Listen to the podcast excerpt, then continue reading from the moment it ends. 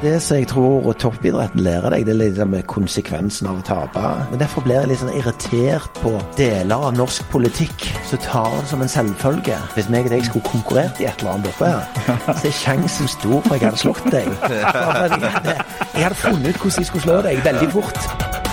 Her er Stavrum og Eikeland. Velkommen, Bjørn Måsede. Du er jo blitt milliardær på trening. Eh, Men hadde covid kommet i år 2000, hadde du da vært blakk i dag? Ja, det var et godt spørsmål. jeg må bare tenke tilbake til 2000. Nei, 2000 hadde jeg ikke vært eh, Da hadde jeg veldig lite gjeld. Eh, så Men hvis covid hadde kommet i 2005, så tror jeg jeg hadde ligget tynt an. Ja. ja. For det er ikke bare bare nå. Det er ikke lett å drive i den bransjen du har tjent deg søkkrik på. Ja, søkkrik og søkkrik. Eh, Vi har eh, Altså, jeg tror treningsbransjen er jo en krevende bransje. Og liksom i stor grad litt sånn som restaurant, at du er jo på jobb når folk har fri. Uh, og liksom eh, grad til kvalitet, krav til kvalitet og eh, levering blir bare høyere og høyere. Så så jeg er glad for at jeg var gründer når jeg var gründer, og liksom at Sats har blitt det det har blitt. Eh, så får vi se hva tiden vil bringe. Ja. Har, er det, har folk lyst til å gå inn i et treningsstudio og trene i disse tider? Ja, nå eh, Altså, hvis du ser på Stavanger, da, så har vi jo eh, akkurat åpna nye Sats eh, hebarium. Og der er det mer folk enn noen gang. Og folk er på trening, men det er klart eh, det er viktig at du eh, ivaretar eh, covid-tiltakene og liksom bruker ved og sånn. Men det er jo sånn med, Altså, sjansen for smitte Ja, hvis du ikke føler deg vel, går du da på trening? Som regel ikke. Sant? Eh, Og det gjør jo at det er Det er gjerne Det er ikke førsteplass du oppsøker deg hvis du har symptomer, men så er det jo mange som ikke har symptomer, så du må bare være, være forsiktig. Og, eh, og så er det jo sant, begrensa kapasitet på gruppetrening istedenfor 100 mann på en time, så er det gjerne bare 50. Sant? Masse sånne ting. En teori, og det er at du har tjent mange av pengene dine på folks dårlige samvittighet. Nyttårsaften, du melder deg inn i Sats, og det siste de gir opp, det er å betale pengene til Sats. Det er liksom definisjonen på at du har gitt opp, er det riktig? Uh, ja, eller jeg, vil sagt at eh, det som er utfordringen i treningsbransjen, det er jo at hvert år så slutter 35-40% av medlemmene. Og da er det sånn òg når Heldigvis da, så begynner du å få systemet som du gjør at du er veldig klar over hvem som ikke har vært på trening på ei uke eller tre uker eller tre måneder. Og det er bare et tidsspørsmål før de sier opp. Så nå er det jo blitt kanaler som gjør at du kan i lettere grad ta kontakt med disse, og at ting skjer automatisk i mye større grad. Så, så jeg tror det å trene er blitt såpass, altså. Sant? Det koster gjerne 500-600 kroner måneden. Og det er folk for, Hvis folk ikke trener, så betaler de ikke. Men, men det som skjer nå med, med, med covid og sånn, vil det også endre måten Sats, altså tilbudet til Sats over tid? Altså Det har jo gjort det allerede. Ja. Og, og jeg sier heldigvis fikk vi Sondre Gravir inn som administrerende, og han kommer jo ifra IT, altså Schibsted-systemet, der de har vært igjennom en veldig reise. Så Sats var jo veldig heldige som fikk han inn. Og hvis du ser det som ble gjort på de digitale flatene i forhold til trening i Sats under covid, så har vi tatt noen kjempesprang. Eh, og han har jo ansatt masse teknologer og eh, sånne ting som vi andre ikke hadde tenkt på i vår tid. Så, så sånn sett er det også at vi skulle ha medlemmer i Sats i Sogndal og Finnmark, der vi ikke har treningssenter, som er bare blitt digitale medlemmer. Det er jo fantastisk. Det er jo liksom den side som bygger selskapet på en annen måte. Men litt mer til deg. For at, uh, du er jo ikke så aktiv i Sats lenger. Du er, bare, du er jo en investor. Og du er Jeg, ikke, tre, jeg er kunde nå. Jeg, jeg trener. ja, ja. men du er blitt eh, investor. Du er i bank. Du eh, Ja. lurer litt på å gå tungt inn på børsen, har jeg lest. Og du er i eiendom. Ja. Hva driver du med? Nei, nå sa jo du hva jeg driver med. uh, nei, altså Det er klart at jeg uh, er jo gjerne ikke så operativ som jeg har vært de, uh, de siste åra. Så jeg følger opp på en måte kraftfinanssystemet. Sven Ivar Førland er jo administrerende i banken. og han har jeg Han sitter i etasjen under meg. Eh, og min egen CFO, eller økonomisjef, han styrer jo mye av liksom daily business. Og ofte ser jeg gjerne på muligheter eller får uh, problemer av ymse slag i fanget. Så, så du er eh, operativ på en litt annen måte. Drikker mye kaffe, høres det ut som. Nei, faktisk er jeg ikke den store kaffedrikkeren. eh, Så Men har du det travelt? Altså, har du, Nei, altså jeg, mange tror jeg har det veldig travelt, men uh, i periodevis. Men, men det er klart at jeg har Altså, når jeg var leder i Sats, så hadde jeg jo syv Jeg fløy fram og tilbake til Stavanger og Oslo en gang til dagen. Eh, sant? Og med den møtestrukturen og 4000 mann under deg sant? Og jeg var nestleder i styret i Norsk Tipping, som var gjennom ei greie. og ja, men Da fikk jeg kjent på eh, liksom, kapasitet og hva det handler om. Så når jeg gikk av i Sats, så har jeg jo hatt det egentlig fantastisk etterpå. Der du ikke har den møtestrukturen som du må- forholde deg til. Så, og jeg tror det er faktisk veldig sunt for sånne som meg òg, å så liksom bare tenke seg om litt hva du skal gjøre i neste fase. Og, og jeg kjenner jo det at jeg ikke er så risikovillig nå som jeg var i 2000, 2005, 2010. Så nå er det sånn at ok, tenker meg litt nøyere om, og liksom Vi får det ikke med oss der vi skal. Ja, man, man ser jo rundt seg at uh, det er jo folk som har tjent mye penger og vært rike, uh, og så er det ikke det lenger. Uh, Ja. Gjør det inntrykk på deg? Ja, absolutt. Eh, og så er det sånn eh, Det å forvalte eh, pengene dine, det er ikke lett. Altså det å skaffe avkastning Jeg har liksom Jeg har fått så stor respekt for folk som driver selskap som tjener penger. At uh, det er liksom sånn Før i tida, når jeg holdt på sjøl, så tok jeg det som en selvfølge. Men det var ikke det. Det handler liksom om et enormt engasjement. Eh, og, og derfor blir jeg litt sånn irritert på deler av norsk politikk som tar det som en selvfølge. Altså, dere vet gjerne tall bedre, men jeg, jeg tror for, for hver ti selskap som startes i Norge, så er det ett igjen etter tre eller fem år.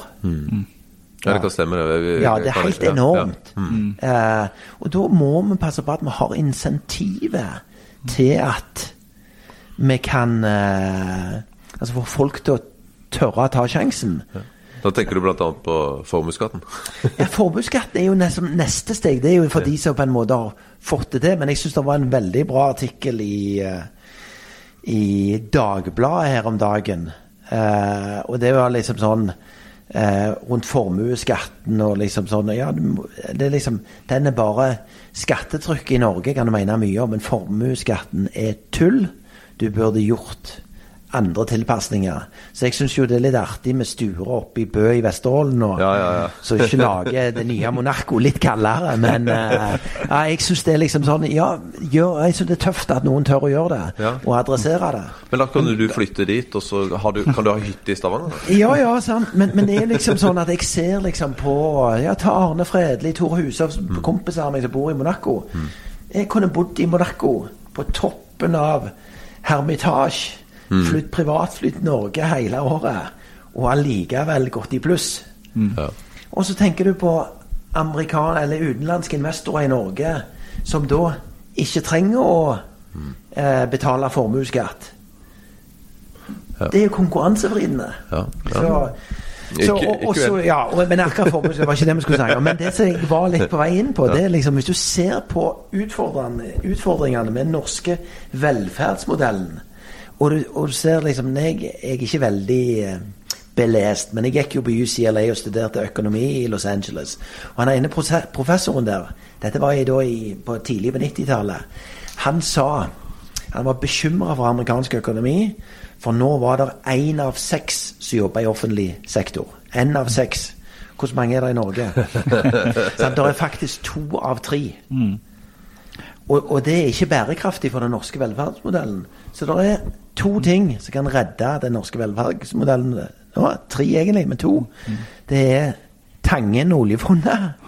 Heldigvis så ble han tilsatt.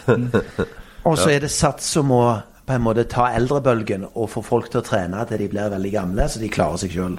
Du nevnte, du nevnte Tangen. Da han tiltrådte, så sa han jo at det, han mente at det ville vært en god idé med 100 arveavgift. Eller i hvert fall ingen. Dine fire barn, eh, de er tilhengere av den ideen? Nei, jeg syns det var en litt sånn eh, Jeg syns det var Tenker liksom eh, sånn som han.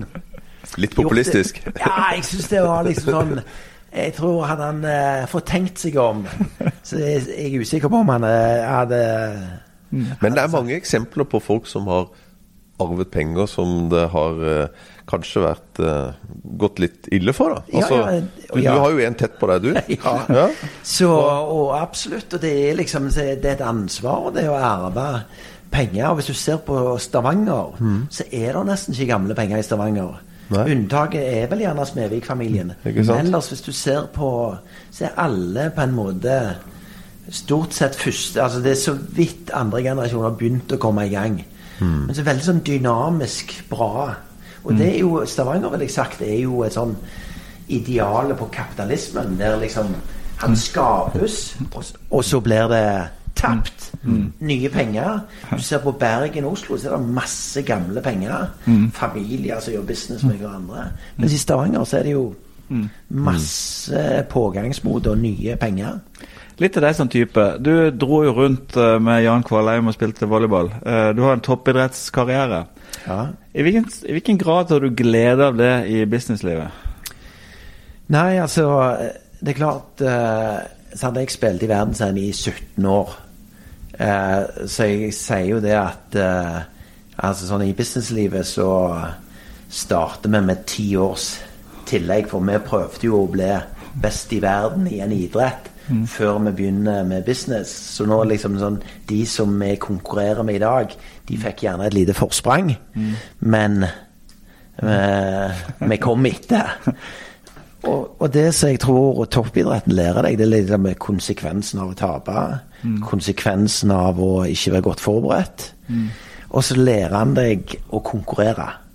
Eh, på en fantastisk måte. Så det er sånn, Hvis meg og deg skulle konkurrert i et eller annet borte her, så er sjansen stor for jeg hadde slått deg. At Jeg hadde, jeg hadde funnet ut hvordan jeg skulle slå deg veldig fort. Så jeg, jeg hadde ikke venner mot det også, Gunnar. Så jeg, jeg er glad i deg, Gunnar. nei, Men var det du eller Jan som var best? Ja, det, Jan var best. Jeg ville sagt den hadde du ikke sett for deg kom så fort. Nei, men, men Jan var liksom en fantastisk tool for meg. Sant? Han var, Jan var gjerne en av verdens fem beste, topp fem, høyresideangripere. Så jeg er helt sykt. Han, han kunne spilt i alle proffligaer i hele, hele verden. Så var han litt for beskjeden og hjemmekjær, så han spilte syv år i Frankrike og et halvt år i Italia. Men, men han var liksom For meg så var han veldig viktig å ha med. Og hvis jeg ikke hadde hatt han, så hadde vi aldri fått det til. Men du var god til å blokke, var du ikke? Nei, han var god til å blokke. Det var han som var god til å blokke, ja. Ja. Så jeg hadde en veldig god serve. Veldig, ja. veldig god blokk. Og så så serva de på meg, da. Ja. For jeg var han antatt svakeste.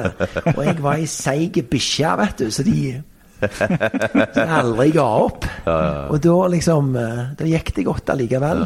Og Jan sa det mange ganger. Bjørn, hadde de serva på meg, hadde aldri makta det. Hadde aldri makta det. Så det var Ble du ikke dritlei av å dra rundt og spille volleyball med en fyr i mange år?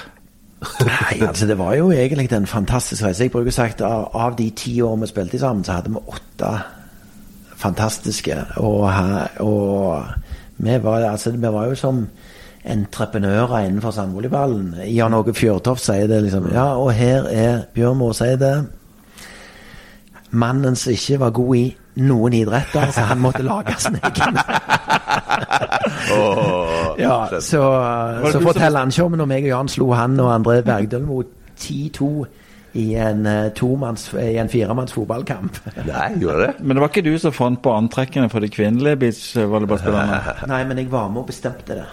Ja, for jeg satt i styret som spillerens representant. representant. Og der vi bestemte at de skulle spille med bikini som var maks to centimeter above the hip, var det det det var? Men når vi bestemte det, så spilte damene De spilte ti turneringer i året. 50 000 dollar i prispenger. Mens herrene spilte Vi spilte 20 turneringer med opptil 400 000 dollar i prispenger per turnering.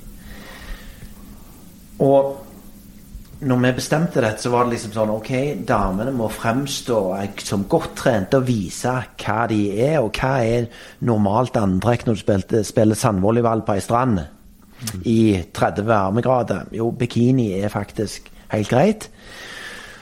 Og to år etterpå så hadde de like mye prispenger som vi hadde, og de hadde 15 turneringer i året.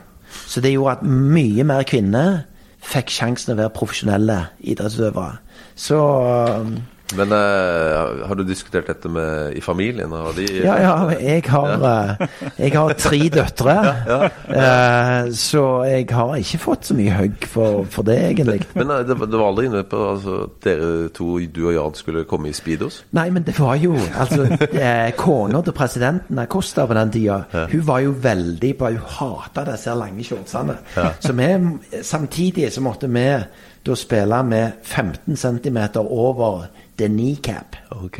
Ja, så det- og, da, og da sleit du litt? Det ble litt flaut, eller? Ja, nei, det, det, det gikk greit, det òg. Ja, ja. Hvor er det du kjenner uh, Albert fra? Albert av Monaco? Han eh, kjente vi Altså, vi traff han vel i OL både her og der, men, men han arrangerte en sånn invitasjonsturnering i Monaco på 90-tallet. Så var liksom USA, Brasil, Frankrike og så ofte et av de beste lagene i verden. Og da var det ofte oss. Eh, så da var vi og spilte, og så ble vi bedre og bedre kjent. Og så i ettertid så begynte han å invitere oss på hytta eh, for å spille beachvolleyball han liker sporten og sånn. Og så har vi liksom eh, hatt kontakt siden. Eh. Han, han sa et, eh, et godt ord til deg en gang, nemlig at husk, Bjørn, du har bare ett liv. Husker jeg? Ja, ja, det var det hva han sa. Uh,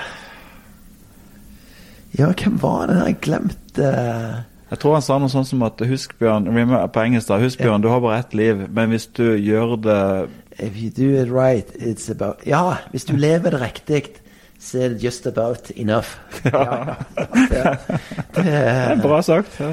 Ja. Eh, så Men, men uh, ikke for altså, du, du- holder deg jo veldig bra, så du, du er ikke så gammel. ikke, skal ikke det, men, men har, du begynt å forberede uh, arveoppgjøret til dine, dine barn? Altså, med tanke på hva du skal være investert i, for å gjøre den prosessen enklere? Nei, egentlig ikke, men jeg, men jeg sier en ting som er ganske klart for meg, det er at i den grad jeg har eh, noe igjen når mine barn eventuelt skal arve, så, så har jeg bestemt meg for at de skal eie, eh, arve penger og ikke virksomhet.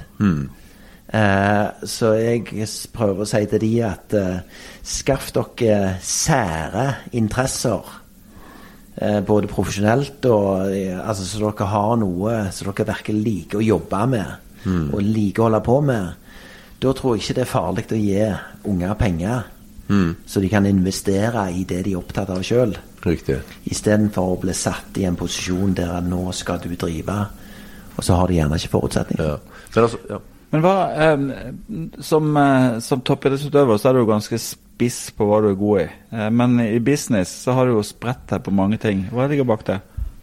Ja, altså For å si det sånn at eh, Jeg eh, tok en, en sånn test i 97, var det vel. En sånn eh, personlighetstest. Var Tone Graver var liksom ei dame som jobba med Olympiatoppen. Og da var en av de tingene som kom ut da, det var at eh, Bjørn, folk rundt deg har større behov for planer og struktur enn det du har sjøl. Så pass på at du har folk med struktur rundt deg. Det var liksom ei side. Og så i forhold til det jeg har investert i, så er det ikke så spredt. Eller for å si det sånn, Det som jeg har tjent penger på, er ikke så veldig spredt, det har vært liksom trening. Bygge opp trening, drift av treningssenter. Så har det vært eiendom. Det å eie byggene. Mm. De siste 15-20 åra så har det å tjene penger på eiendom har vært for enkelt til å ikke ta det med i porteføljen. I hvert fall hvis du har drift. Eh, og så når det gjelder finanssatsingen, så har det vært liksom Jeg har sett at porteføljen min vil bli mer og mer likvid. Det er fornuftig å engasjere seg der. Så da har du liksom bolkene med, med trening, eiendom og finans. Men, men et sånt børsnotert investeringsselskap. Du, du har jo altså Jeg husker når jeg var i Pareto, jeg var megler der i mange år, og da skulle vi hente inn noe til Spetalen ønsket å gjøre noe av det samme. Det var rundt 2008-2009. Ja. Det å hente kapital til det, det var ikke lett. Og, og du ser jo Røkke, der er det jo en rabatt i Aker på grunn av, ikke sant? Så, så har du tenkt noe på det? Ja, altså det er liksom en annen del av virksomheten, og da er jo det mer sånn gjerne den corporate-siden som vi ikke har gjort for mye med i Kraft. Men hvis du ser, eh, vi henter jo pengene til banken, Kraftbank. Så henta vi 300 millioner. Det er første gangen jeg på en måte har vært sånn ute i markedet med mitt eget navn og sagt liksom OK, nå skal vi gjøre dette, vil du være med? Og da var vi jo på roadshow i, rundt omkring i Norge, og boka vi skulle hente da Egentlig skulle vi hente 200 millioner. Eh, det var krav fra tilsynet. Og da skulle boka være åpen ei uke, tegningsfrist. Og i løpet av to og en halv dag, da stengte vi, og da hadde vi henta 540 millioner. Såpass. Og da tok vi 300, og så lot vi resten gå. Så, så vi har en sånn sett en eh, god opplevelse. Og i ettertid så har jo den gått bra, har den ikke? Ja, han gikk vel Altså, selskapet Kraftbank har vært Vi har levert bedre enn det vi har sagt hele veien. Vi ligger foran planen. Men aksjekursen det var liksom, han ble spekulativ, så han gikk liksom ifra 8 kroner og opp i 16. Og ned i 7,50, og nå er han på 8,20. Eh, men selskapet drives eh, altså med Når vi leverte andre kvartal, så leverte vi 10 millioner i pluss. og Eh, vi hadde nettopp sånn strategisamling, og den første samlingen vi hadde, da var vi syv stykk. Nå var vi 29, så jeg syns det er jo veldig spennende og eh, kjekt å være en del av. Sånn, du lager en bank i en nisje og ser liksom det blomstre. Du har et konsept som gjør at du Ja, det er det er på en måte Ja, du tjener penger på folk som sliter. Du henter inn risikokapital. Du har eh, 500-600 kunder. Men vi har òg friskmeldt 147, tror jeg, som har kommet inn til oss, refinansiert og gått ut igjen og fått refinansiert i en vanlig bank. Riktig. For det er så ofte folk ikke, Når vi blir kritisert, så er det sånn Folk skjønner ikke at ofte en kunde i Kraftbank kommer inn til oss og har gjerne 30 kreditorer. Har gjerne slutta å åpne posten. Sant? Og der vi jobber oss gjennom caset, og der de får en regning til slutt. Så, og da er det liksom sånn Ja, du må ta deg betalt for den jobben. Det er risikokapital. Mm. når vi har refinansiert, det betyr ikke at de er blitt friske. Ja, de er finansielt friske, men en del av disse folka havner jo ut igjen. Vi har fått en vaksine, da. Men akkurat det er gjerne noe av det som jeg savner, som jeg gjerne skulle sett vi hadde hatt. Det var at liksom Når, vi, når du er refinansiert, så, så bør du ha en mental sak òg at ja, faktisk det å bruke masse penger mer enn du har, det er ingen lykke. Gå en tur, eller gå på Sats, det er mye bedre. Jo, jo, jo, Jeg har ikke råd til det, nei. Eller gå tur i skogen, det er greit, det òg. Men Gunnar, Men du, eh, til, til akkurat den situasjonen vi er i nå, for det er jo nok av sånne altså, makroøkonomer som mener teoretiske ting, men du, er, du driver jo business. Hva er det du ser for deg at eh, korona kommer til å bli? Hvor lenge varer det? Hva kommer det til å slå ut i businessen? Hva er din teori? Nei, altså det er jo litt sånn eh, Så Kopp sa her uh, tidligere liksom sånn Han er en profilert person, og så spør de han om uh, covid-19. eh, Hva tror du sier? Ja, men dere må ikke spørre meg de tingene, for dere må spørre spesialistene. De vet hva de skal svare. Så, og jeg er litt sånn samme. Ok, hva skjer uti der? Det er ekstremt vanskelig å si. Jeg syns vi i Norge har kommet oss igjennom på et mesterlig vis. Er sånn, nesten sånn at Jeg tror ikke det er sant, nesten.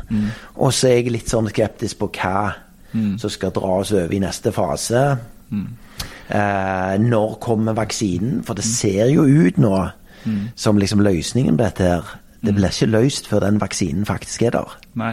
Så Jeg etterlyser ikke at du plutselig skal bli Folkehelseinstituttet, men jeg er interessert i å vite hvordan du plasserer dine skjetonger. Altså, det forteller litt om hva Ja, du tror. da. ja, og jeg er jo litt sånn eh, skeptisk egentlig til å liksom Når folk spør meg, så er jeg sånn hmm, eh, Jeg er veldig usikker hva råd jeg skal gi, og jeg eh, Jeg eh, sånn tenker liksom Det å ha en cash-beholdning nå er gjerne ikke så dumt.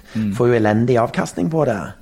Eh, og ellers eh, Altså sånn, Det er jo litt sånn, da, hvis du ser på øh, eiendomsmarkedet, så er det klart at statlige leiekontrakter Plutselig det, det, det er jo nesten som gull nå, for du vet at de betaler. Sånn, det er jo liksom en ting som du ser liksom Ok, den delen av, øh, av eiendom bra. Ellers uh, jeg, eh, sant, det, det er jo en veldig sånn differensiering i prisingen, der du har mye tax er prisa skyhøyt med 100-200 ganger inntjeningen, og det fortsetter bare å gå. Og så har du liksom disse trauste selskapene som er kjempelavt Mm. Så det er liksom vanvittig, spri, vanvittig sprik.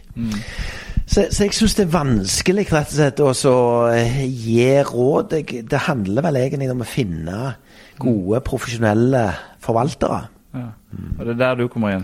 Nei, og jeg er ikke en profesjonell forvalter. Men du skal lage et dette Ja, altså eh, Men eh, Ja, men det, Dette er ikke reklamekanalen for det, altså. To spørsmål helt til slutt. Du må Ja. svare ærlig på begge. Første spørsmål, helt ærlig. Hvor mye trener du? Jeg prøver å trene annenhver dag uh, i en eller annen form. Da er det sånn jeg spiller fotball, jeg sykler til jobb to-tre dager i uka, jeg trener litt vekter, jeg spiller padeltennis. Uh, ja, og jeg, jeg, jeg står på ski, jeg liker å gjøre ting. Høres ut som du trener hver dag. Nei, eh, men så er det sånn at jeg må ikke trene hver dag. Eh, men, jeg prøver, men jeg kjenner at det er mye lettere å trene mye enn å trene en gang iblant, for da hjelper det ikke. Absolutt. Sånn, Så det er Ja, ja. lettere å holde Og så er det rutiner. Du kommer Ja, inn i det. ikke sant? stemmer- stemmer det. Ja, ja. Det andre spørsmålet det er jo rett og slett at uh, du er jo konkurranse, et konkurransemenneske, men dere ble jo aldri verdensmestere i, i volleyball. Dere ble europamestere. Uh. Nei, det da Jeg ble verdensmester. Men det er, det er, en, det er litt sånn debattert om selve tittelen. Men du, jeg skal vise deg trofeet, for det står i Ja. Og det som jeg skulle si, da, det er at eh, når vi ble verdensmestere, så ble du verdensmester når du vant verdensserien sammenlagt. ja, Så det ja. ble vi i 1995. Men nest, Ok, eh, det er greit, det er tvilsomt. Men det du i hvert fall er verdensmester i, det er den eh, rikeste norske eksidrettsutøveren. Ja, det Det tror jeg eh, må eh, Det er mange regnestykker, og jeg tror det er mange som er oppi Og alt etter hvordan du regner. Hvem, hvem, hvem legger du inn i? Ta, ta Stenshagen. Han kjørte jo rallycross. Eh, noen år eldre. Ja, så da kan du ta med Røkke og Gjelsten òg, som kjørte offshore. De kjørte offshore. Så, eh, Så du skal snakke deg inn i en verdensmester og ut av en annen? Ja, altså, jeg eh, føler at jeg jeg er i, eh, jeg er i Eliteserien, men eh, jeg tror ikke jeg topper.